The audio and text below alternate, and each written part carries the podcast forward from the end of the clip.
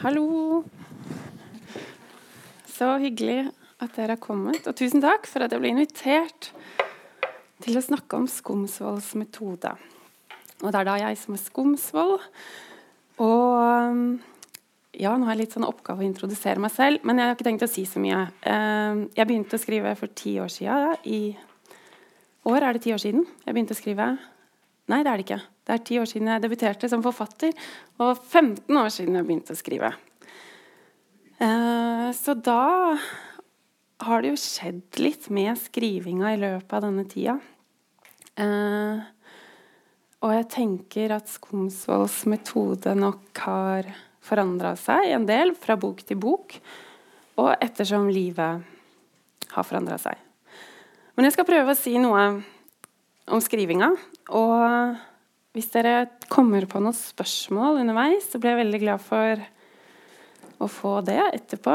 Jeg skal ikke hjem før med nattoget, så jeg har veldig god tid til å svare på spørsmål. Jeg skriver at det er stille i huset og vinter utenfor vinduet. Vi har akkurat flyttet hit, til disse rekkehusene helt oppe ved skogen. De er umalte og slitne, men har noe evig og solid over seg likevel. Og i dag skal jeg for første gang være alene hjemme i huset og skrive, mens mannen min følger barna i barnehagen. De går fremdeles i barnehage i byen. Det er ikke første gang jeg er hjemme for å arbeide, men jeg skriver at det er det. I begynnelsen kan teksten bli hva som helst. Det er så overveldende, og det vil bli lettere om jeg får et par ting på plass. I teksten, om ikke annet som at jeg har mitt eget rom til å skrive i. Jeg vet at noen malere må skitne til lerretet med kaffe, jord, søle, hva som helst, før de klarer å begynne å male. Det helt hvite lerretet blir for mye for dem. Foreløpig er rommene i huset fulle av pappesker, og vi har ennå ikke bestemt hvor vi skal ha hva, men jeg skal få mitt eget arbeidsrom i dette huset. Mannen min har flere ganger foreslått at vi kan ha arbeidsrom sammen, og hjertet mitt synker hver gang. Jeg syns det er så vanskelig å være avvisende, og det er jo en romantisk eller praktisk tanke at vi skal arbeide sammen. Men jeg tror ikke jeg kan skrive en roman med ham på den andre siden av bordet. Aller best liker jeg å være helt alene i huset når jeg skal skrive, som i dag, så jeg kan sette meg hvor jeg vil, gå ut og inn av rommene uten å møte andre mennesker, uten å bli forstyrret av tanken på at jeg kan bli forstyrret, frykte at noen vil spørre om jeg har noe hvitt høy som skal i vaskemaskinen. Men jeg må vite og tro at menneskene kommer tilbake, at de kommer inn døra på omtrent det og det klokkeslettet, og at de blir ganske glade for å se meg. Om vi har kranglet, klarer jeg ikke å skrive om noe annet enn selve krangelen, hvis jeg klarer å skrive noe som helst. Klokka er ni om morgenen, og jeg sitter på benken i den lille stua under det store vinduet som vender mot sør. En svarttrost sitter i epletreet utenfor. Jeg ser den hver dag. Jeg tror det må være den samme svarttrosten, at den bor i det treet. Hvis fugler bor i et bestemt tre, den tilbringer i alle fall arbeidsdagen i treet, og passer på at jeg også arbeider. Jeg tenker hvordan skrivinga mi i årene som kommer, vil bli preget av at vi har flyttet fra byen og opp til skogen ikke så langt fra der jeg vokste opp. Jeg lager en forestilling om at alt vil legge seg til rette for skrivinga, men uansett hvor mye jeg retter ut ting i tankene, så er jo livet skurrete, og det er ofte det som skurrer, som skaper skrivebehov. Det er ulike typer skur, skur, som støy, altså det som forstyrrer tankene. Og dette skaper skrivebehov fordi jeg ønsker å komme vekk fra det så er det skurret som i betydning av at noe er vanskelig, at noe plager meg, og da retter jeg ut skurret i skrivinga, kan man kanskje si, selv om det blir feil, for skurret, skurre skal jo være med, skal ikke pynte på noe. Det jeg mener, er at når jeg får skrevet skurret frem på en sann måte, så blir det mindre skurrete inni meg. Når jeg leser det første avsnittet her, så merker jeg at det butter imot. Hvordan kan jeg skrive mitt eget hus? Banken vil jo sikkert si at dette rekkehuset er deres. Og hvordan kan jeg kalle Olve for mannen min? Han er jo ikke mannen min. Å si at han er det, virker så trygt og selvsagt, gir inntrykk av at jeg innehar en fullstendig ro. I skrivinga må også den dype usikkerheten som ligger inni meg, komme fram for at det skal være sant. Jeg har en sønn på tre år og en datter på ett, og folk sa til meg da de ble født, at jeg ikke måtte tenke på å skrive når jeg hadde så små barn. De mente at jeg kunne ta helt fri. Men jeg ville skrive. Riktignok kan jeg innimellom kjenne en sterk motvilje mot å skrive, tror jeg i alle fall. Det kan være vanskelig å si noe som er helt sant om skrivinga. Kanskje er forfattersannheter ofte usanne, selv for forfatteren som kommer med dem, men så ønsker man at de skal være sanne, fordi de er fine og litterære.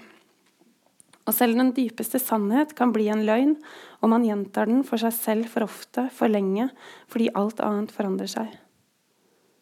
Men selv om det er vanskelig, så må jeg jo forsøke å si noe jeg opplever som sant, og jeg tror det er riktig å si at det nesten ikke er noe jeg liker mer her i livet enn å skrive. Jeg er sjelden så glad, jeg vil nesten si lykkelig, som når en roman begynner å falle på plass. Så blir lykkefølelsen etterfulgt av en dyp melankoli når boka er ferdig, der all gleden ved å skrive over. Når romanen har blitt en roman, er hjernen for lengst i gang med noe nytt. Det er bra, for selv om jeg også ofte synes det er et slit å skrive, synes jeg uansett det er mer krevende å ikke gjøre det. Da kjenner jeg meg mistilpasset og rastløs, og jeg synes det er vanskelig å gå gjennom dagene uten å kunne feste tankene i skrivinga. Jeg forandrer meg gjennom skrivinga gjennom det å skrive. Når jeg begynner å skrive på en roman, aner jeg ikke hvor jeg skal, hvor skrivinga vil ta meg. Jeg vet bare at jeg vil ende opp et annet sted enn jeg på forhånd hadde trodd. Jeg må vokse i skriveprosessen, hver bok er et skritt mot noe jeg ikke vet. Halvtenkte tanker skal bli mer uttenkte, og det er så mye, ofte rystende, som skal gå opp for meg idet jeg skriver det. Det er ikke bestandig rystende i seg selv, men det kan være rystende at jeg ikke har skjønt det før, og jeg er ikke det samme mennesket når jeg er ferdig med en roman, som da jeg begynte. Alle setter grenser for seg selv, men når jeg skriver, er jeg nødt til å bryte disse grensene. Og nettopp det at jeg er bundet av grenser, kan gjøre at det litterære trykket oppstår. Grensene kan også være et utgangspunkt for å forstå hva jeg skal skrive om. Da har jeg et behov for å si noe mer, noe annerledes, noe utover det jeg sier til vanlig og allerede vet. Fordi jeg skriver, vil noe finnes i verden som ikke tidligere eksisterte. Det vil finnes noe i meg som jeg ikke visste om. Så kanskje heller ikke fantes i meg før jeg skrev det.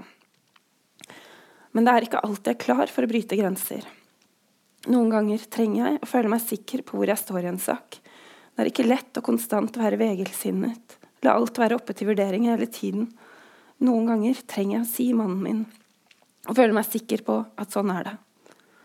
Særlig lurer jeg på om det er sånn når livet selv forandrer seg. Når livet trekker i grensene mine, så forsøker jeg muligens ubevisst å holde fast i dem.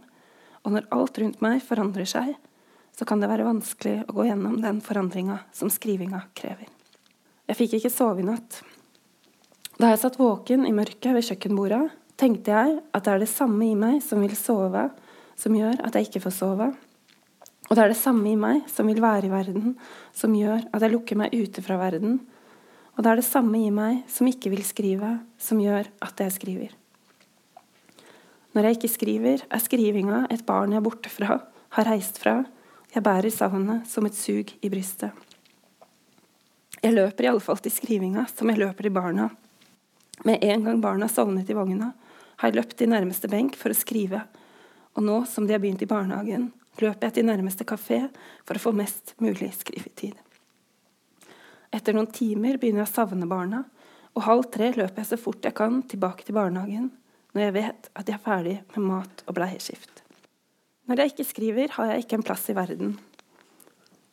Jeg passer ikke inn, jeg forsvinner fordi jeg tilpasser meg omgivelsene av andre mennesker, og derfor må jeg skape meg rom gjennom skrivinga. Å skrive er et forsøk på å utvide verden. Hele tiden oppstår nye brister på tankene mine, forestillinga om hvordan verden ser ut, slik jeg ønsker at den skal være, og jeg må skrive for å helbrede bristene. Nå for tiden skriver jeg om familien min, og mamma, pappa og brødrene mine. Etter at vi barna ble voksne og mamma og pappa skilte seg, har det vært som om familien sprekker i kantene, blir stadig skjørere. Jeg har fått min egen familie, og jeg ser egen barndom på nytt, med et nytt blikk farget av mine egne barns barndom. Hva er det som skjer med pappa? Hva er det som skjer med mamma? Hvordan skal jeg kunne passe på småbrødrene mine, nå som de er store? Hvordan kan jeg være i denne familien som jeg ikke lenger kjenner igjen? Hvordan kan jeg være her når jeg er et annet sted? Jeg har blitt spurt om skrivinga er terapi. Og det er vel ikke feil, men samtidig er det noe som jeg ikke helt får til å stemme. Da jeg gikk i terapi, lærte jeg f.eks. å ikke ta alle tanker ut i ytterste konsekvens. Jeg har så lett for å se for meg det aller verste som kan skje, eller det aller beste. Jeg blir fort redd og like fort opprømt, som regel helt uten grunn, og begge deler kan slite meg helt i stykker. Men i skrivinga blir det fint når jeg tar tankene ut i ytterste konsekvens, og det er også nødvendig. I romanen kan jeg skrive at jeg kaster et nyfødt barn ut fra balkongen. Og når jeg har skrevet den setninga, brydd meg om ordene, og når jeg har fått ordene til å passe inn i romanen, ja, så er jeg glad for at hjernen min fungerer som den gjør likevel. I skrivinga er det muligens mer verden, livet, jeg må forsøke å helbrede. Vil si, jeg må gjøre verden og livet om til noe jeg kan leve med i skriften. I tillegg skiller romanskrivinga seg fra terapi fordi forfatteren skaper noe utenfor seg selv som følge av prosessen. Forfatteren bør skape kunst som også andre kan bli berørt av, og som leseren aktivt må være med å skape. Datteren min forstår så mye mer enn hun kan uttrykke, men noe kan hun uttrykke, som at hun vil ha melk, og når hun er ferdig med å spise, klapper hun meg på skulderen som man klapper panseret på en gammel bil etter at motoren endelig har startet. Jeg ble forbløffet da jeg her om dagen sa ordet nese, og hun pekte på nesa si. Så sa jeg øye og munn, og hun kunne de ordene også. Jeg har ingen anelse om hvor lenge hun har kunnet dette. Alt hun ikke får vist verden av den hun er, alt jeg ikke visste om meg selv før jeg begynte å skrive. Hvem er jeg når jeg ikke skriver? Hvem var jeg før jeg begynte å skrive? Jeg husker en vårdag på trappa utenfor universitetet sammen med vennene mine. Det var sol, og vi spiste is i forelesningspausen. Jeg var syk, jeg hadde vært syk lenge, men det var ikke bare det som tynget meg. Jeg opplevde studiene som gledesløse, og jeg syntes voksenlivet hadde et dystert mørke over seg, men jeg skjønte ikke hvordan det kunne være annerledes, selv om jeg, når jeg så på vennene mine, skjønte at det var annerledes for dem. Jeg begynte å tro at jeg ikke passet inn i denne verden, men jeg så ingen utvei, og jeg tenkte at studiene og livet bare var noe jeg måtte komme meg gjennom. Men så ble jeg enda sykere, og snart klarte jeg ikke å komme meg gjennom noe som helst. Inni seg og utenfor seg søker menneskene feste for sitt liv. Den som har et feste utenfor, er velberget, den som har et feste inni seg, er rik. Og når alle festene har røket, kan man begynne å diskutere menneskets vilkår. Sitat Willy Kyrklund. Alle festene rundt meg forsvant. Jeg måtte avbryte studiene. Det ble slutt med samboeren min. Jeg var for syk til å være sammen med vennene mine. For syk til å gjøre noe som helst. 25 år gammel flyttet jeg hjem til foreldrene mine. Og det var da jeg begynte å skrive. Jeg begynte å skrive i ren redsel. Redselen for hva som ville skje med livet mitt om det ville skje noe i det hele tatt.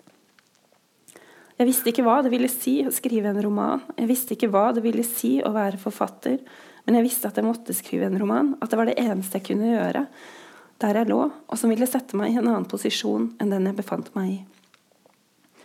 Jeg lengtet etter noe annet, jeg ville vekk fra det stedet jeg befant meg, og dermed ble skrivinga en løsrivelse, det var et forsøk på å bli fri, og sånn er det fremdeles.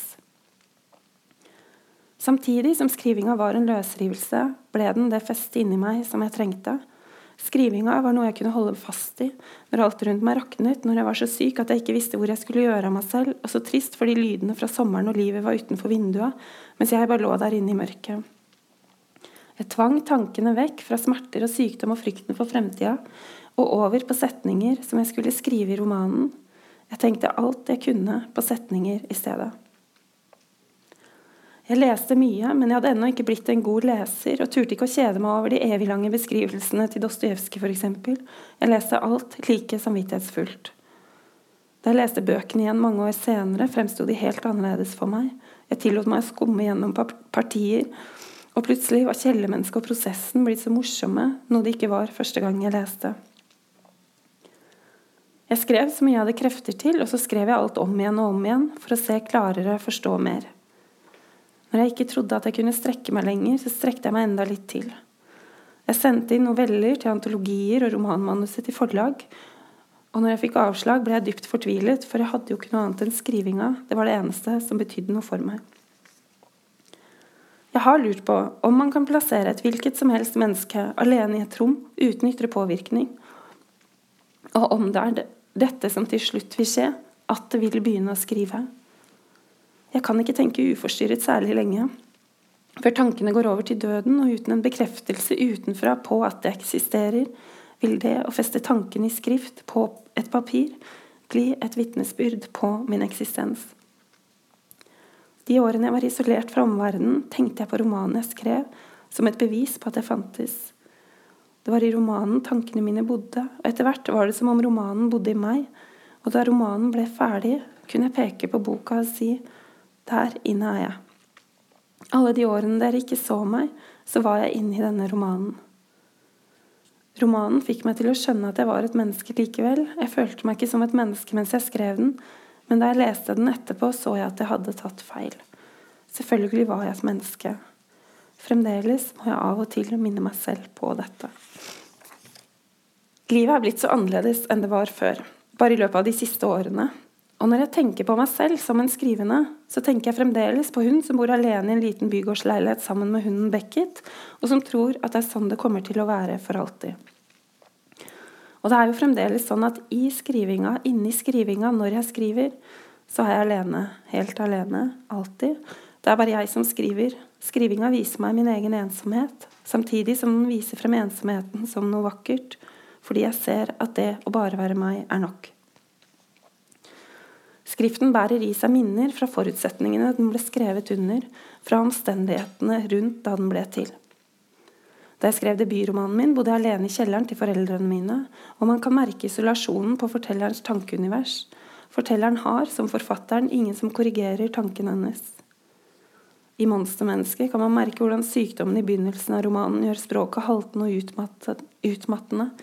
Begynnelsen er basert på dagboknotater fra da jeg var syk, mens det glir mer motstandsløst når fortelleren, som forfatteren, blir frisk og kommer ut blant menneskene. Da jeg skrev 33, reiste jeg så mye, og det er som om man kan merke hvordan fortelleren tviholder på en forestillingsverden, som om den virkelige verden er for mye for henne. Jeg skrev den siste romanen min, 'Barnet', med sønnen min i bæreselen, som med datteren min i bæreselen, da vi bodde i fjerde etasje bak en rød dør i byen. Og mens barna sov, løp jeg mellom parkbenker og kafeer for å skrive. Altså det høres ut som jeg løp og skrev, men jeg løp for å skrive. Egentlig holdt jeg på med en annen roman på den tiden, men jeg klarte ikke å balansere dette fremdeles ganske så fremmede romanuniverset i hodet, samtidig som jeg passet på barna.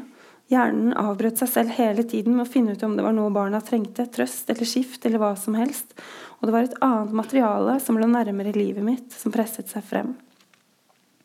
Jeg gikk fra å sitte de mange og lange timene med skrivinga hver eneste dag, kveld, helg, 17. mai, jul, til å kunne skrive litt her og litt der, og de korte skriveøktene synes i teksten, avbrytelsene synes, det er en kompakt tekst, jeg hadde ikke tid til å utbrodere så mye, og med ett kan teksten skifte innhold og karakter. I noen tilfeller er forutsetningene også med å skape strukturen i teksten, og det liker jeg. At i stedet for at jeg dytter en form og struktur på teksten, så blir det bestemt av forholdene jeg skriver under. Jeg fant formen og strukturen til barnet da datteren min ble født, og jeg hadde noen å snakke med. Romanen er en fortelling til et du. Jeg snakker til et du. Men det er viktig å huske at jeg er innenfor romanens univers. Jeg skriver ikke romanen til mitt eget barn. Det ville jo også vært rart å snakke til et nyfødt barn på den måten. Og jeg tenker ikke på leseren underveis i skrivinga. Jeg må være helt fri for å klare å skrive noe som helst. Men om tanken på leseren skulle, leserne skulle snike seg inn, så håper jeg at jeg finner motet til å skuffe dem. Før jeg fikk familie, satte jeg meg ned og skrev med en gang jeg våknet. Bare hun og jeg alene i leiligheten. Det er noe helt spesielt å skrive med en nyvåknet hjerne før man rekker å bli den man husker at man er. Nå er det fire timer med kaotisk nåtid før jeg kan skrive. Jeg våkner klokka fem, lager frokost, drar til byen og barnehagen, ringer forsikringsselskapet, det er vann steder hvor det ikke skal være vann, og innen jeg har satt meg til å skrive, er klokka ni. Jeg er ikke så glad i å jobbe på kafé og lengte hjem til huset og skogen. Jeg blir skamfull av å fortelle dette, og jeg tenker på forfatteren som jobbet som jordmor og skrev bøker mellom fødslene, noen ganger også mens det sto på som verst. Så jeg vil ikke klage, jeg må bare skrive ned alt sammen. Når jeg kommer til kafeen, skriver jeg liksom av meg morgen. Morgenen. Det er som om jeg skriver forord etter forord til boka jeg skal skrive. Det er dager da jeg ikke klarer å skrive, hvor jeg bare sitter og savner skrivinga. Samtidig som jeg savner skrivinga, gruer jeg meg til å komme inn i skrivinga igjen, fordi det kan være så sterkt, og da slutter det andre livet å eksistere. Jeg blir redd for å være alene med ordene mine, for å falle inn i romanen, for det å skrive er å falle. Jeg blir hudløs, altfor følsom, verden ser annerledes ut, jeg er ikke tilregnelig. Jeg må være tilregnelig, nå kan jeg ikke lenger miste kontakten med det andre livet helt, jeg må smøre matpakker til barna, vaske ullbodyer med grøt på, dra på bibliotekbesøk i Nittedal. Jeg kan ikke forsvinne fullstendig, men så er det det skrivinga krever av meg. Psykose er en fast tro på en imaginær verden som varer i måneder eller år, som ingen utenom pasienten selv er i stand til å oppfatte, og dette er jo også en slags definisjon på en romanforfatter. Ofte har jeg tenkt på det å skrive som en slags sykdomstilstand. Det henger nok sammen med egen erfaring av sykdom, at jeg nærmest byttet ut sykdommen med skrivinga, og likevel endte opp på så å si samme sted, fullstendig isolert og utmattet. Da jeg leste 'Forbrytelse og straff' på nytt etter at jeg selv begynte å skrive, kunne jeg kjenne igjen flere av symptomene hos Raskolnikov, som lider av psykose. Hvordan han helst vil være i sin egen boble og blir irritert om noen forstyrrer ham, hvordan alt sammenfaller med hans oppfatning av verden, han får det meste til å passe til denne, og hvordan han ser tegn overalt, liksom tilfeldigheter som ikke kan være tilfeldigheter likevel, fordi de virker så påfallende. Å skrive en roman er også å skape sammenhenger og være overtroisk. Alt får en betydning og en mening, og forfatteren skyr alt som ikke passer inn i romanuniverset, og som kan forstyrre. Det er vanedannende å lære opp hjernen til å fungere på denne måten. Jeg lurer på om jeg skal ha arbeidsrom i andre etasje eller i kjelleren. Soverommene er i andre etasje, duplo og smukker og skittentøy flyter over dørstokkene, og fra vinduet kan jeg se ned på rekkehuset hvor mamma bor. Hun har flyttet inn i huset på den andre siden av veien, og jeg forestiller meg at det å ha utsikt til sin egen mor vil gi et ganske sterkt avtrykk i teksten som blir skrevet. Romanen blir en annen om jeg sitter i kjelleren, der er jeg mer adskilt fra familielivet, og jeg ser ikke huset til mamma, Alt jeg vil kunne se fra vinduet, som befinner seg nesten under jorda, er litt søppel og noen gresstuster. Og det er ingen som vil kunne se meg. Jeg vil være nesten fullstendig gjemt. Jeg har trukket ut Internett. Det er fordelen med å arbeide hjemme, at jeg kan trekke Internett ut, så jeg ikke blir minnet om verden der ute. Når jeg må reise meg opp for å dytte Internett inn igjen, så ender jeg med å være uten. Det er ren latskap, som er bra for konsentrasjonen min. Det er bra for skrivinga. Jeg er ikke så god på avbrytelser. Før var det naturen som ga oss livsbetingelsene våre, nå er det teknologien, i alle fall delvis. Og på noen måter er jeg glad for det. Jeg liker f.eks. godt å skrive på maskin. Når jeg skriver for hånd, går det så sakte. Innen jeg har kommet til slutten av setninga, har jeg glemt hva jeg tenkte at jeg skulle skrive, og dermed kan alt bli til noe annet når som helst, ofte midt inni en tanke. Romanen 33 har jeg skrevet for hånd. Jeg hadde brukket håndleddet, og det er en av de underligste romanene jeg har lest. Underlig er en god ting, men når jeg leser 33, tenker jeg at jeg kunne ha åpnet mer opp.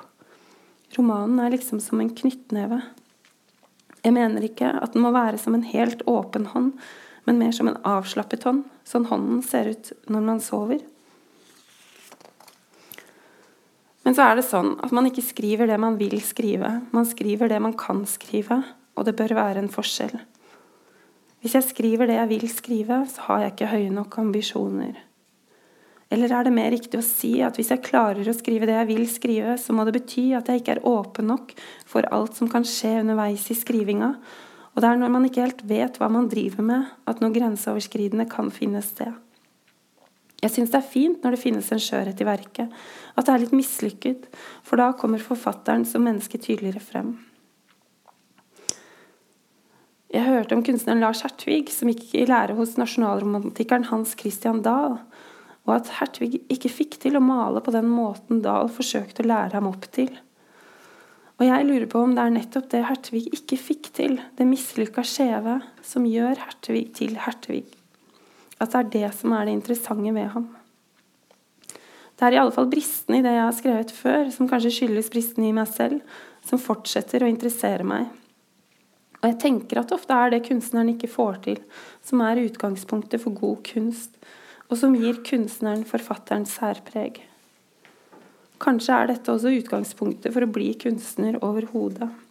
At man ikke får til det som andre får til. Jeg kan følge med på dyrene her jeg sitter ved vinduet, og jeg kan følge med på årstidene. Snøen har pakket naturen inn for å beskytte den mot kulden og mørket.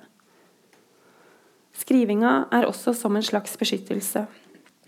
Når jeg skriver, er jeg trygg på en måte jeg ikke er når jeg ikke skriver, samtidig som jeg er utsatt og skjør. Jeg er skjør og sterk på en gang. Hva er det jeg prøver å si? Det er andre som omtaler skrivinga mi som skjør. Og det er derfor jeg måtte tenke over hva dette egentlig betyr. Jeg lurer på om jeg kommer i kontakt med det skjøreste i meg når jeg skriver. Jeg merker i alle fall at jeg må våge å gjøre meg sårbar for å kunne skrive sant, og jeg er mer sårbar når jeg bryter grensene jeg vanligvis setter for meg selv. Jeg skriver det sårbare frem, våger å gi det plass, gi meg selv plass, en plass som jeg ikke kan få eller ta utenom gjennom skriften. Jeg må stå med ansiktet helt åpent. Dette kan bli uttalt her jeg sitter alene og skriver, men jeg kan ikke si det høyt. Om jeg en gang blir bedt om å lese denne teksten høyt, blir jeg nødt til å stryke disse setningene. Lik det skjøreste i meg ikke får plass i den virkelige verden, så får ikke disse setningene plass, og jeg forsvinner om jeg ikke lager plass til meg selv i litteraturen gjennom skrivinga eller lesinga. Når jeg skriver, er det en styrke i meg som insisterer på den utsatte stemmen, og som krever at den skal få lov til å tale seg frem. Når jeg klarer å finne et språk til denne stemmen i skriften, blir den sterk. Det litterære språket legitimerer stemmen og gir den kraft. Dermed er det skjørestima også det sterkeste. Jeg er sterkere når jeg skriver, men bare når jeg skriver sant. Jeg må komme tilbake til dette, hva jeg mener med å skrive sant. Men, tenker jeg nå, hva om jeg egentlig er ganske sterk der ute i livet når jeg ikke skriver, men at jeg blir mer og mer som en maskin ettersom jeg holder meg unna skrivinga, og at jeg, for å ikke bli fullstendig følelsesløs og hard, må oppsøke Skriften igjen, og at det er dette som er den egentlige grunnen til at jeg skriver. At jeg hadde klart meg helt fint uten å skrive, men så ønsker jeg å finne tilbake til det skjøre i meg, til det følsomme i meg. Jeg ønsker å være åpen for verden, for andre mennesker, for hvem jeg er, og derfor må jeg skrive. Jeg tror egentlig ikke at det er sånn. Jeg kjenner meg sårbar i livet selv om jeg holder meg unna skrivinga. Men muligens kan det bli sånn en gang. Hvis ting blir altfor lett, hvis jeg også slutter å lese og begynner å føle meg altfor tilfreds og selvsikker, blir som sjøpølsa som til slutt spiser sin egen hjerne. Jeg vet ikke om det er en myte, men noen fortalte meg at sjøpølsa spiser sin egen hjerne. Så jeg syns det var så fint bilde, så måtte ta det med.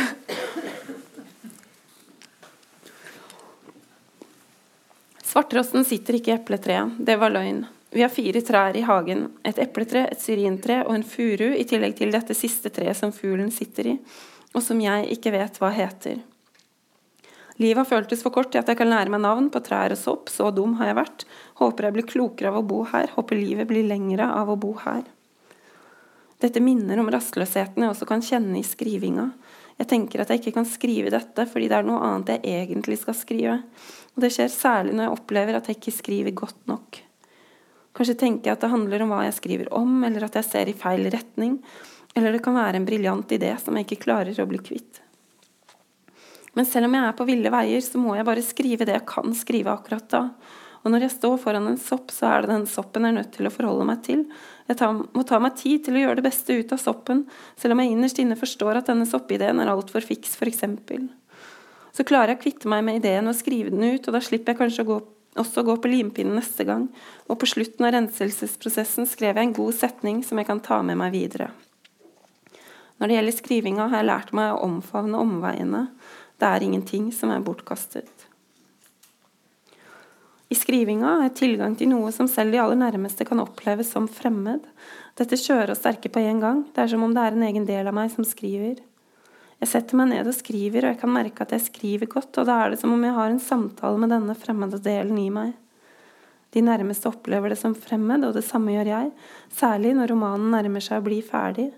Da kaster teksten et annet lys tilbake enn den har gjort underveis. Den ferdige boka kan trenge inn i meg på en helt ny måte, og da er det som å lese noe en annen har skrevet, noe jeg kan kjenne meg igjen i. Kanskje kan skrivinga sammenlignes med når man er intim med et annet menneske. Da er det også som om man får tilgang til en annen del av dette mennesket, noe man ikke ser hele tiden, og som kan oppleves litt fremmed. Jeg tenker også på skrivinga som en slags drift, noe jeg ikke kan stanse, og særlig kan jeg ikke stanse hva jeg skal skrive om. Dette kan jeg ikke skrive, tenker jeg, fordi det gjør meg angstfylt, eller det er noe jeg ikke klarer å forstå. Og da må jeg skrive det, for å finne ut hvorfor det oppleves sånn. Det er nesten som om bøkene vil bli til mer enn jeg selv vil det. Det som betyr mest for meg i skrivinga, er å skrive sant. Det betyr ikke at i romanen ikke kan skje ting som aldri ville kunne skjedd i virkeligheten, som f.eks. at en hund blir til et barn.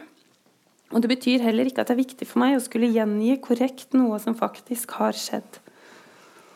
Når det gjelder sistnevnte type sannhet, føler jeg meg uansett nærere sannheten i skriften enn noe annet sted, sikkert fordi fraværet av sannhet blir så tydelig for meg. Dette skyldes at erfaringer forandrer seg når de skrives ut. Hver gang et minne hentes frem i hukommelsen, ser det annerledes ut. Tanker og følelser endrer seg når de blir gjort om til ord. Det ligger i skrivingas natur, og i enda større grad når det blir til litteratur. Det er ingen motsetning mellom å bruke forestillingsevnen og å skrive med utgangspunkt i seg selv, og dessuten vinner bestandig litteratur når jeg skriver. Virkeligheten må gi tapt for hva som fungerer litterært, fordi jeg forsøker å skrive en så god roman som mulig. Jeg vil skrive om det menneskelige, om det som ligger meg nært. Jeg vil undersøke hva det betyr å være et menneske. Materialet er mine egne erfaringer, mitt eget liv. Å skrive sannferdig innebærer at jeg må være ærlig og oppmerksom når jeg skriver, når det gjelder tanker og følelser, for om jeg ikke er ærlig, oppstår det en avstand i teksten, en avstand mellom forfatteren og skriften, og da blir teksten konstruert og villet. Den avstanden jeg vil bryte ned, ligger ikke mellom meg og teksten, men inni meg som skriver. Jeg synes det aller vanskeligste er å avdekke det usanne i det jeg allerede tror jeg vet, det automatiske, og noen ganger lurer jeg på om det bare finnes sannhet i det jeg ikke vet fra før. T.S. Eliot sa at poesi er ikke et utløp for følelser, men en redning fra følelser. Poesi er ikke et uttrykk for personlighet, men en redning fra personlighet. Men bare de som har personlighet og følelser, vet hva det vil si å ønske seg en redning fra det. Ved å komme så nær følelsene som mulig, så finner jeg en redning fra følelsene. Jo nærere jeg klarer å komme tankene og følelsene med ordene mine, desto mer blir de til noe annet. Jeg kan gjøre opplevelsen av egen sykdom om til en gammel dame. Det er som om jeg kan peke på den gamle damen og si ja, der er sykdommen. Sorgen jeg kjenner, kan bli til en rev. Nå er sorgen ord på et papir, nå kan jeg plassere den der i denne reven jeg skriver om. Nå er ikke sorgen lenger kun et krater inni meg. Å skrive er å transformere ørefikene livet gir meg, skuffelsene som kommer min vei, følelsene jeg ikke vil ha, tankene jeg ikke kan holde ut, om til noe annet. Det samme gjelder lesing. Jeg kan kjenne en angst hos K når jeg leser Kafka, og dermed kan jeg plassere egen angst i K, og sånn gjør Kafka det lettere for meg å bære min egen angst. Jeg skriver ikke utelukkende om det vonde og vanskelige, selv om dette nok er en sterkere motor, og håpet for fremtiden kan bli til et nyfødt barn i en bærepose på en regnfull dag. Skrivinga handler nemlig også om fremtid. Som man forandrer fortiden gjennom skrivinga, forandrer man også fremtiden. Livet mitt nå ville sett veldig annerledes ut om jeg ikke hadde begynt å skrive. Jeg finner ut at treet utenfor heter crab apple tree, og kommer frem til at det kan hete pynteepletre på norsk. Det høres ganske nytteløst ut, men er det ikke. Pynteepletreet i hagen har mistet alle bladene, men nederst henger det svarte, innskrumpete bær som har overlevd høsten og vinteren og de får treet til å se ut som en mann som begynner å bli skallet. Det resterende håret er en ring av svarte bær, eller pynteepler, som det kanskje heter, rundt trehodet. Svarttrosten sitter på den skallede toppen. Kjøttmeisene sitter lenger ned mot hårfestet, og en skallet mann har ingenting med tre å gjøre. Likevel blir treet tydeligere når den skallede mannen kommer inn i setninga det fremmede klargjør. Jeg tenker på et fotografi jeg så i bestefars begravelse, hvor bestefar har en svart alpelue oppå det nesten hårløse hodet sitt. Han er på ferietur i et annet land, står sammen med bestemoren og grandtanta mi, men det er alpelua som er tydeligst for meg. Vi har så mange fotografier av ham i båten, på dekk, bak roret, mens han heiser seilene på brygga, med redningsvest, med en sliten solbleket cap. Nesten alle bilder jeg har sett av bestefar, har med seiling å gjøre. Kanskje er det derfor det gjør inntrykk at det finnes et fotografi hvor han står på land, og så har han den alpelua på. Det er noe så fremmed med alpelua, som gjør minnet jeg har om bestefar, enda klarere for meg. Metaforer er noe av det jeg er aller mest glad i i litteraturen. Og Prosts 'På sporet av den tapte tid' står for meg som en av mine aller største leseropplevelser. Prost forandrer leserens opplevelse av tid ved bruk av metaforer. Hele tiden får han leseren til å stanse opp ved stadig å sammenligne det han ser, med noe annet. Han tvinger frem en tålmodighet i lesinga, illustrerer en stillstand, og på denne måten får han det til å virke som at tiden går langsommere. Gjennom å beskrive barndommen makter han å bringe leseren tilbake til egen barndom, og ved å forandre leserens erfaring av tiden gjør han leseren til et barn igjen. Fordi man opplever så mye for første gang, er man nødt til å sammenligne, se alt i lys av noe annet. Mer enn å gjenkjenne må man erkjenne. Jeg tror at det sanne ofte føles nytt, men kjent. En dag vi gikk av T-banen etter barnehagen, så sønnen min lenge på det store utropstegnet som noen har tagget under gangbrua, før han sa 'det regner'. Jeg skjønte at han tenkte at den dryppende streken lignet på regn. Å finne gode metaforer når jeg skriver, er å øve meg i å se verden på nytt. Det er å se alt som noe annet. Så til slutt i søknaden til Skrivekunstakademiet skrev jeg at jeg bestandig gikk rundt med en liten notatbok i lomma hvor jeg samlet på situasjoner, scener, bilder. Men det var løgn. Selv om jeg ofte har en notatbok med meg, så er jeg ikke den samleren som jeg ga inntrykk av i søknaden. Jeg skrev det mest fordi jeg trodde at jeg som forfatter i en spe måtte være det. Nå tror jeg tvert imot at jeg bør kvitte meg med mange av inntrykkene, alle tankene som kverner rundt der oppe, det samler seg så mye skrot og jeg ønsker glemselen velkommen, så jeg ser hva som er igjen, hva jeg ikke klarer å kvitte meg med, hva som betyr noe, og det er her det jeg må skrive, befinner seg. Men kanskje er jeg en samler likevel, for jeg skriver jo også fordi det er noe jeg vil ta vare på. Tiden forsvinner fra oss, og hele tiden mister jeg noe. Å skrive er et forsøk på å holde fast i livet. Når jeg sitter her og skriver, er tanken på at jeg skal miste alt, uutholdelig men at jeg tar vare på tiden gjennom skrivinga, er bedrag, for idet jeg gjør romanen ferdig, har jeg fjernet meg vekk fra det jeg har skrevet om. Jeg har kapslet denne tiden og opplevelsen inn, gjort minnene om til noe annet. Når jeg er ferdig med romanen, blir jeg av omverdenen knyttet til noe jeg aldri har følt meg lenger unna. Hva handler romanen om? Det kan være vanskelig å svare på, i alle fall for noen forfattere. Hva handlet bestefar om? Hva handler skogen om? Kanskje spørsmålet om hva romanen handler om, kan bety hva handlet det å skrive boka om, altså hvorfor skrev forfatteren den?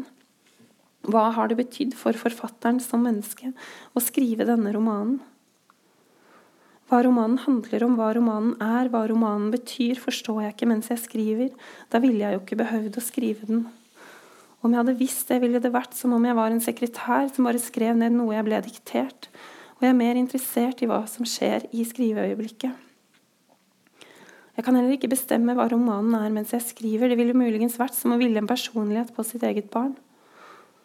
Men jeg liker jo å skifte titler på romanen underveis i skrivinga. Om jeg står fast, kan jeg sette en ny overskrift i dokumentet, og dette påvirker det jeg skriver, så noe kan man vel ville. Om ikke annet håpe på. I alle fall, når jeg leser romanen etter at den er ferdig, kan jeg forstå mer av hva det å skrive den har handlet om for meg, og da jeg leste 'Barnet', forsto jeg at det romanen litt her, handler om for meg, er hvordan jeg gjennom skriveprosessen har forandret meg fra å være en som tenker at jeg ikke kan ta vare på et annet menneske, at jeg ikke kan være nok for flere enn meg selv, til å forstå at jeg også kan slippe andre mennesker nær, jeg kan også få et barn. Jeg er blitt et annet menneske av å skrive den. Ja, og det var slutten. Og jeg syns det var en litt rar slutt. Men jeg liker romaner som har litt rare slutter. Og at ikke liksom alltid går opp. Så da passer det jo sånn. Ja Er det noen som har noen spørsmål? Så kan vi snakke litt mer sånn løst. Kanskje litt dumt spørsmål, men jeg, jeg hører underveis, og det var en fortryllende, veldig flott fremstilling du hadde. Og, og fortelling om ditt eget forfatterskap. Men jeg lurer litt på hvorfor bruker du ja, skal vi si metaforen eller begrepene 'frisk syk' underveis hele tiden? Det, hvorfor jeg snakker om frisk syk? Ja, Hvordan kommer det inn i bildet i din oppfatning av ja. jeg, jeg, ser ikke på den måten altså, at du nødvendigvis er frisk, frisk eller syk. Nei. Vet du hva, Det er et veldig godt spørsmål, fordi det er jo altfor enkelt å si det sånn. Um, og det er jo noe av det uh, jeg egentlig angrer på i, med bøkene. var sånn Etter 'Monstermennesket' kom ut, så var det jo intervjuer. Og da ble veldig historien sånn Var syk, skrev en bok, ble frisk. Men så er det jo altfor lett. Men det var jo veldig fint sånn i uh, avissak at det var på den måten. Men, når, men hvis man leser 'Monstermennesket', som er en stor bok, så ser man jo at det er jo ikke så, så enkelt. Um, og, uh, og, det Ja. Så, men det, kanskje det bare henger igjen fra Men det, det er en veldig stor forskjell på eh, da jeg begynte å skrive, og sånn det er nå. Sånn at um, jeg tror det mer er et slags sånn For meg, da. Et begrep på å kunne være i verden, og det å ikke kunne være i verden. Og at jeg kanskje heller burde kalt det det, da. Mm. Ja, for jeg tenker sånn generelt en veldig uting og, og, og på forfattere, enten det gjelder Kafka eller Dostojevskij eller eh, egentlig hvem som helst. Eh, så eh, jeg tror eh, samfunnet vårt er blitt veldig preget av sånne frisk-syk-kategorier. Det var bare egentlig det jeg mente, og det, det er uheldig. Ja, jeg er enig. Nå var det ikke Dostojevskij jeg snakket om, altså. Det var, nå var det ikke Dostojevskij jeg ga en psykose oppi her, men ja. mm, ja. Nei, jeg er enig, men jeg tror også Altså, det er jo grader av det, og sånn som i eh, Da jeg skrev 'Monstermennesket', så var jeg veldig opptatt av det også at eh, For da hadde jeg hørt en skrivelærer som snakket om at man kan ikke forandre seg. og det å skrive romaner hvor mennesker forandrer seg, var liksom sånn urealistisk. da. Og da kjente jeg på at jeg var veldig uenig, fordi jeg tror at mennesker kan forandre seg. Jeg tror man kan bli et annet menneske på en helg. Og jeg tror også at språket blir påvirket av ja, om man føler seg syk eller frisk, da. Uh, og Virginia Woolf sier jo det at det er rart at ikke sykdom har fått større plass i litteraturen enn det har, med tanke på hvor stor påvirkning det har på altså vår mentale tilstand, vår sjelelige tilstand. Da. Og det var noe jeg ville altså, Og det er litt sånn vanskelig for meg. I ettertid kan jeg tenke at jeg ville skrive en roman som viser et menneske som forandrer seg gjennom en forandring i språket. Og det går fra å være veldig syk, da, eh, eh sengeliggende, til å ikke, å ikke, kunne delta i livet, til å kunne leve ganske normalt og ta del. Gjøre det eh, hun vil. Um, så, men jeg tror altså Jeg vet ikke om jeg skjønte det underveis, eller om jeg så det etterpå. Um, men uh, jeg tenker i hvert fall at man i den romanen kan merke på språket at det er sånn haltende, utmattende jeg, Når jeg leser egne ting jeg har skrevet i den perioden også, så er det veldig eh, preget av den situasjonen jeg var i. da. Og jeg ser at det forandrer seg også eh, når jeg har blitt mye friskere. Selv om jeg sikkert er ja syk ennå. Du sa at når du skriver roman, så vet du ikke hvor det skal ende. på en måte eller, Veldig fin sammenligning med barn ja. eh, og karakterer som du kan ikke bestemme. Men eh, jeg lurte på om eh, du Når det ender, på en måte, om det skjer at du blir misfornøyd, hvor mye du griper inn og forandrer ting eh, i etterkant, eller korrigerer, eller bare lar det stå sånn som det er, på en måte. I Hvis det, det er forståelig spørsmål. Ja. Um, altså um, det, har, det, har, liksom vært en forandring fra jeg begynte å skrive. fordi altså Da jeg begynte å skrive, så ante jeg ikke hvordan man gjorde det. eller sånn, Så da trodde jeg at man hadde sånne planer og tankekart og sånn. Um, men jeg så jo da underveis at jeg, det ble jo ikke sånn jeg hadde tenkt. fordi når man skriver, så så for, jeg ønsker i hvert fall å være åpen for det, det som skjer i selve skrivinga, da. Um, og nå jeg, prøver jeg egentlig mest å ikke planlegge så mye på forhånd. Og ikke få sånne ideer, nettopp fordi jeg da føler mer at jeg skriver ut noe, og at jeg ikke kan bli, bli overraska underveis. da. Men så altså når jeg Om jeg er misfornøyd Det skjer jo i 98% av tiden er jeg jo misfornøyd, egentlig. Um, men Og det går eh, Og på slutten kan det være en veldig sånn forvirrende tid, syns jeg. For det kan gå fra å være Man har vært så nær det så lenge at det nesten mister alt sånn liv og kan føles helt sånn dødt. Uh, at man ikke klarer å se det som tekst, på en måte, nesten. da. Uh, men da pleier jeg å legge det litt vekk, og så kan jeg få den der følelsen av å lese noe fremmed. da. At det er noen At det er sånn Hæ, er det jeg som har skrevet det? Men var det sånn det var? At jeg nesten ikke kjenner meg igjen. Eller jeg kjenner meg igjen, da, men det, det, er, det har noe sånn veldig fremmed over seg. Men hvis jeg føler meg misfornøyd da også, så fortsetter jeg jo å jobbe med det. Og som regel så uh, tar det mange flere år å uh, gjøre det ferdig enn jeg tror. Jeg tror hele tiden at det er rett rundt hjørnet. Jeg tror sånn at jeg kan begynne på en roman i morgen og skrive den på en uke. Og så vet jeg jo Og så tenker jeg kanskje det blir neste år, eller kanskje det blir neste år. Og så som regel så blir det flere, mange flere år enn jeg har trodd, da. Kan jeg spørre en ting til? Ja. Eh, når du skriver eh, Spør du andre om råd, eller hva mener de om det du har skrevet? ja. det kreative? Ja. Ja, um, absolutt. Helt avhengig av lesere. I begynnelsen så det, spurte jeg jo familiemedlemmer. Jeg vet ikke hvor lurt det er egentlig. Men uh, det hadde jeg jo ikke noen andre jeg kunne spørre. Uh, men så kjente pappa kjente en, så kjente en som var forfatter, så fikk jeg en lesning av henne, husker jeg. Og også da jeg sendte til forlag, så fikk jeg en konsulentuttalelse som jeg kunne bruke. da og jobbe, da jobba jeg sikkert et år bare på de tre sidene som hun eller han hadde skrevet. Um, og så er det jo det er liksom dårlig gjort. da, Med første boka trenger man jo kanskje mest lesere, og så har man ingen. Og så når man har fått gitt ut debutboka si, så har man jo da det forlaget, da. Uh, og redaktøren som er der. Og som Jeg har vært sånn som har levert ganske mye underveis. Um, jeg har, med 33 husker jeg at jeg skrev det ut, la det i en mappe og leverte til redaktøren min. Så nå er det ferdig. Sånn, og vise henne om at nå var det helt ferdig.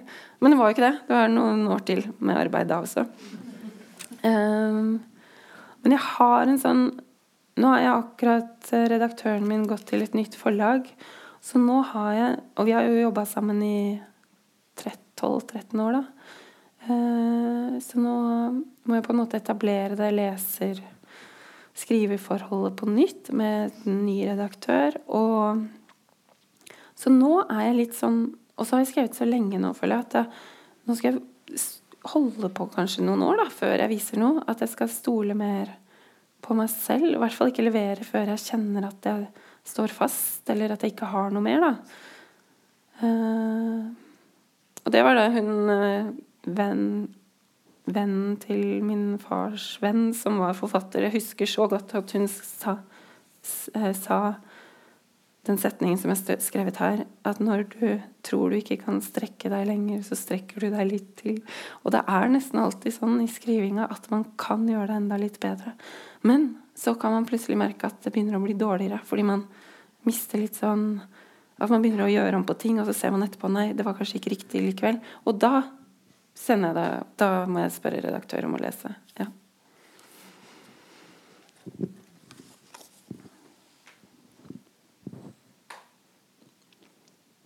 Men er det noen her som skriver? Det er så dårlig gjort å spørre, fordi jeg turte ikke å si at jeg gjorde det. For, uh, men uh, Men jeg har møtt mange som også sier det. Jeg var på sånn debutantseminar Hvert år så er det sånn at alle debutantene møtes på Lillehammer. Og så er det jeg og en annen som har ledet det seminaret. Da husker jeg det var en som fortalte hun hadde snakket i ti år eller noe sånt om at hun skrev. da og det alle føl altså Da endelig boka kom, så ble alle så innmari letta. Det var sånn der, enorm lettelse i familien og i vennegjengen at den boka endelig kom.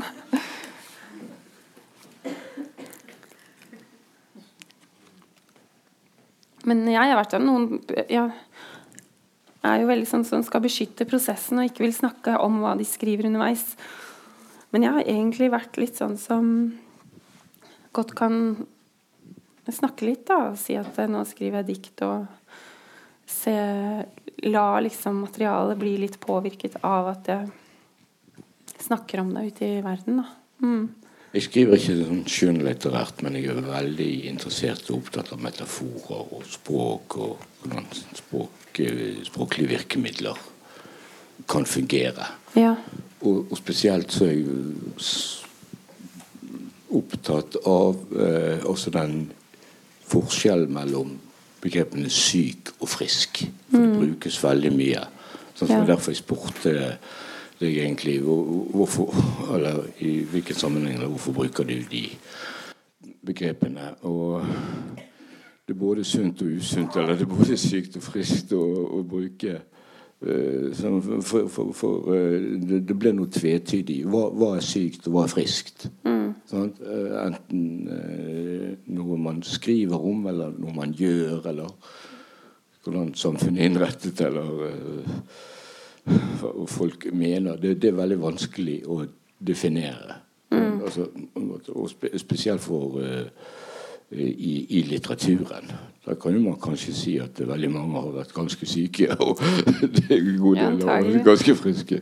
Så, så, så, så uh, um, Jeg syns det er en veldig fin metafor er egentlig å se tvetydigheten mellom syk og frisk, for det er mye man kan skrive i de, mm.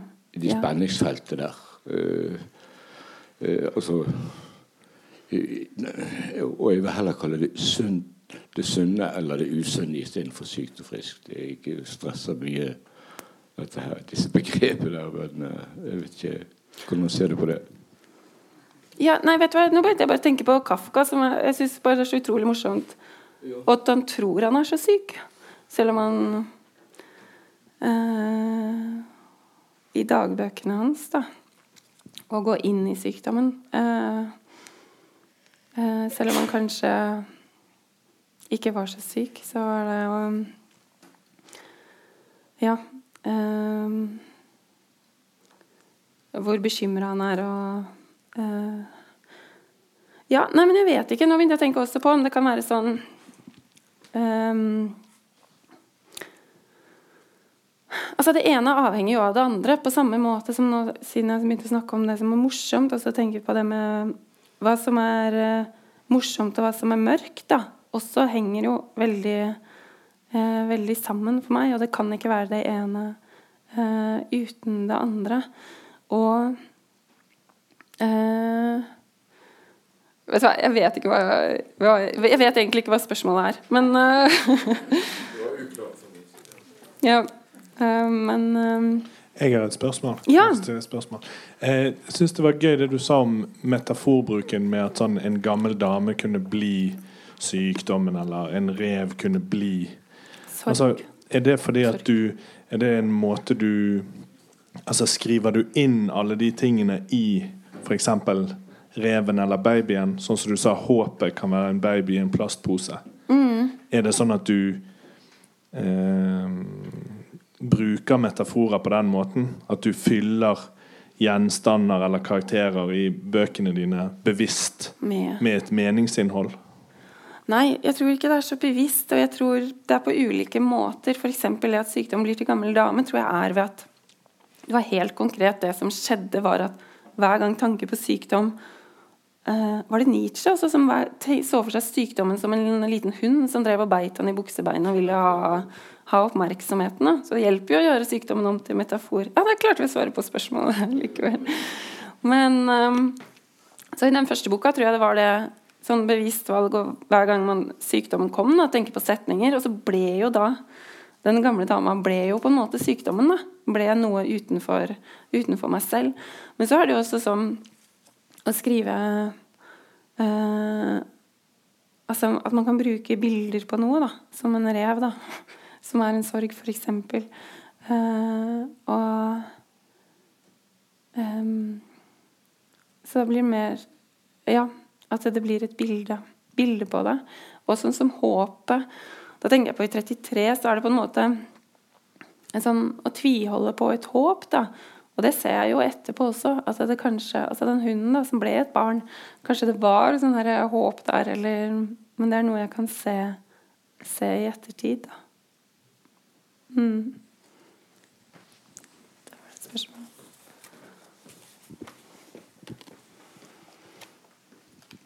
Ja, hei. Hei. Jeg syns det var veldig interessant å høre liksom, hvordan du beskriver skriving som noe som mer vokser frem, og du ikke helt vet hvor det tar deg. Ja. Og at du skal liksom, på en måte være veldig åpen for det som skjer. Da. Men så lurte jeg litt på liksom, hvordan finner du retningen? Eh, for Ja. jeg tenker sånn, Selv om du kanskje ikke har noen sånn altså Noen folk snakker om det som en slags arkitektur, men det gjør ikke du. Men du, du må sikkert likevel ha noe som på en måte driver skrivingen. Og så lurer jeg litt på hva, hva er det? Ja, det kan være så enkelt som at bare At man eh, eh, er i setningene, og så fester man neste setningen på den setningen foran. Um, jeg kan også selvfølgelig skrive liksom, hvis jeg får noen tanker sånn underveis, underveis som notater, men som regel så bruker jeg ikke de notatene så veldig sånn i forhold til hva som skal skje. Og så skjer det jo veldig lite, egentlig eh, i, i disse bøkene. Um, men altså noe struktur det, er, det var også noe av det eh, jeg tenkte litt på da jeg skrev dette, var det med um, Altså eh, Jeg tror en grunn til å skrive roman da, i for å skrive sånn løsrevne små tekster, for det kunne man jo også gjort helt sånn uten retning. Men at ved at det har en form, så har hjernen noe arbeide med i lengre tid. Da. Du har noe å feste tankene i i lengre tid. Og så eh, Med barnet så var det veldig sånn Da var det mer sånn løsrevne små tekster. Men så, og så klarte jeg ikke å forstå formen, og det syns jeg er så rart. da, hvordan selv den enkleste form altså Det endte jo med at det var fra morgen til kveld, og jeg snakker til et du. Og at jeg etter så mange år med skriving ikke klarer å se for meg det. på en måte. Eh, men så gjorde omstendighetene det til at det var sånn det ble. Um, uh, så Og da da, lå, da hadde jeg jo på en måte materiale, da. Og så kunne jeg bare skrive det som ettersom det var naturlig å fortelle det til noen. Uh, mens med 'Monstermennesket', som var et mye større prosjekt, da syns jeg Da hadde jeg en struktur ganske tidlig, for jeg syns det hjalp å tenke på det som steder. At jeg plasserte det på steder. Eh, så det begynner eh, Nå husker jeg Jo, det begynner på gamlehjemmet. Eh, og så eh, Ja, husker ikke helt. Og så hytta, og så Nansen-skolen, og så Skrivekunstakademiet. Um, og så skre, skrev jeg liksom innenfor de rammene, da. Men hva som drives eh, Et eksempel var med Nansen-skolen. Da jeg skulle skrive om det, da hadde jeg bodd hjemme hos foreldrene mine. Så skulle jeg skrive om det året. Og jeg begynte å skrive at jeg bodde på internatet. Gikk ned til felleshuset for å spise frokost med de andre. Eh, og så kom jeg ikke noe lenger. Det skjedde ingenting. Og jeg begynte på nytt og skrev om at jeg går nedover alleen og Trærne står ved siden av, og jeg kommer inn, og der sitter de andre og venter på meg. Og så kom jeg ikke lenger og begynte på nytt. igjen Og igjen. Og så skjønte jeg at var det, det hele det året handlet om for meg, var jo at jeg gikk ut fra rommet og ned og møtte de andre menneskene. Så det kapittelet skulle jo bare være det. At jeg gikk ned og møtte de andre menneskene. Men det skjønte jeg når jeg skrev. Da. Og, som, og da kunne jeg jo ha planlagt på forhånd ja, jeg skal skrive om at vi får gjestelærere eller eller annet. Og jeg har sikkert skrevet litt om det òg, men det var ikke det som var det viktige. Og det skjønte jeg i det jeg skrev det. da. Og sånn, jeg blir så innmari glad når jeg skjønner noe når jeg skriver. så, ja. ja. Mm. Ja, eh, jeg leste 'Monstermennesket' for en tid tilbake, og da var det bare et lite spørsmål jeg eh, tenkte på. Ja. Eh, for i sånn selvbiografisk litteratur så er det ofte mye diskusjon rundt eh, hvor mye andre personer, eh, ekte personer, blir eh, utlevert gjennom boken. Ja. Og så jeg følte i din bok at du klarte å skrive så utrolig mye om livet ditt, og så utrolig personlig, uten at andre folk ble utlevert i noe særlig grad. Og da lurte jeg på hvor mye det bare blei sånn, eller hvor mye du måtte jobbe det fram, da, liksom å skåne på en måte omgivelsene, eller Ja. ja. Ja, eh, det var helt sånn lammende i begynnelsen. Da jeg, for jeg leste en setning av Montaigne som var det at det finnes ikke noe vanskeligere og heller ikke noe nyttigere enn selvbeskrivelsen. Og så tenkte jeg da må jeg jo prøve det. Og så måtte jeg skjønne hva det Altså fordi det å bruke sitt eget navn da, forandrer teksten helt. Så jeg ville skjønne hva det betydde, og det var liksom sånn jeg begynte. Eh, men så eh, se, så jeg jo at det også knyttet det veldig til eh, verden eller virkeligheten eller livet, eller hva man skal kalle det. Eh, og tanken da på at det skulle være noe ute i verden, gjorde meg helt sånn at jeg ikke klarte å skrive noe som helst. Eh, så derfor så måtte jeg bare si til meg selv at jeg var fri, da, sånn som jeg snakker om her. At jeg, jeg kan ikke tenke på det. Jeg må tenke at jeg kan skrive absolutt hva som helst. Og så får jeg heller tenke på det senere, når det eh, blir en roman, hvis det blir en roman. Og så var det likevel Jeg husker sånn veldig sånn Det var som å eh, Sånn skremmende i begynnelsen å skrive, men så etter hvert så merker man hvordan man bare begynner å bry seg, eller bry seg mer og mer om språk, og det faller på plass, og det får en form. da. Og så ser det mer og mer ut som en roman, og du eh, stryker ting ikke fordi det ikke har noe med Fordi det eh, altså, ikke skjedde eller ikke, men alt handler om at det skal passe inn i denne formen. da.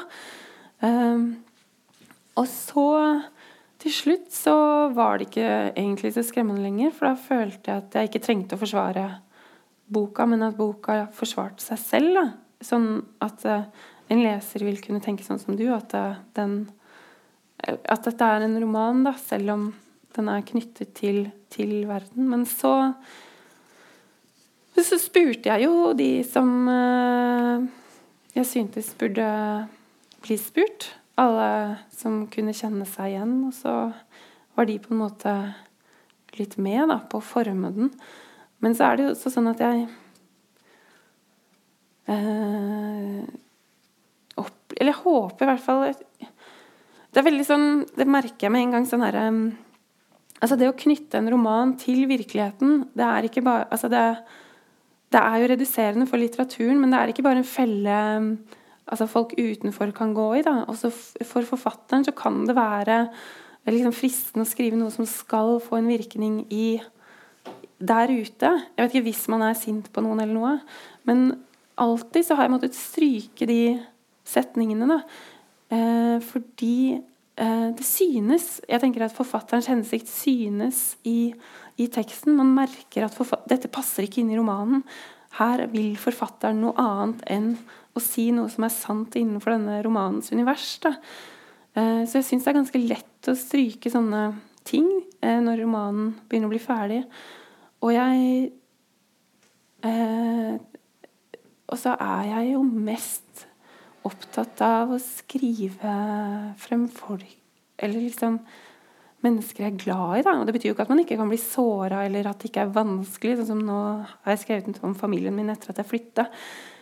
Men øh, det er jo det som øh, gjør mennesker fine også, at man er øh, feilbarlige. Og jeg har ikke opplevd så veldig ofte at folk har bedt meg stryke når jeg har spurt. Da. Som regel så går det ganske bra. Bankebordet. Mm. Ja, da er vi litt på overtid her. Ja. Men eh, jeg ville bare si tusen takk for besøket, og minne publikum at det er boksalg her. Og at du sikkert kan signere bøker hvis noen har lyst til det. Klart det. Ja. Tusen takk. Tusen takk for at jeg fikk komme.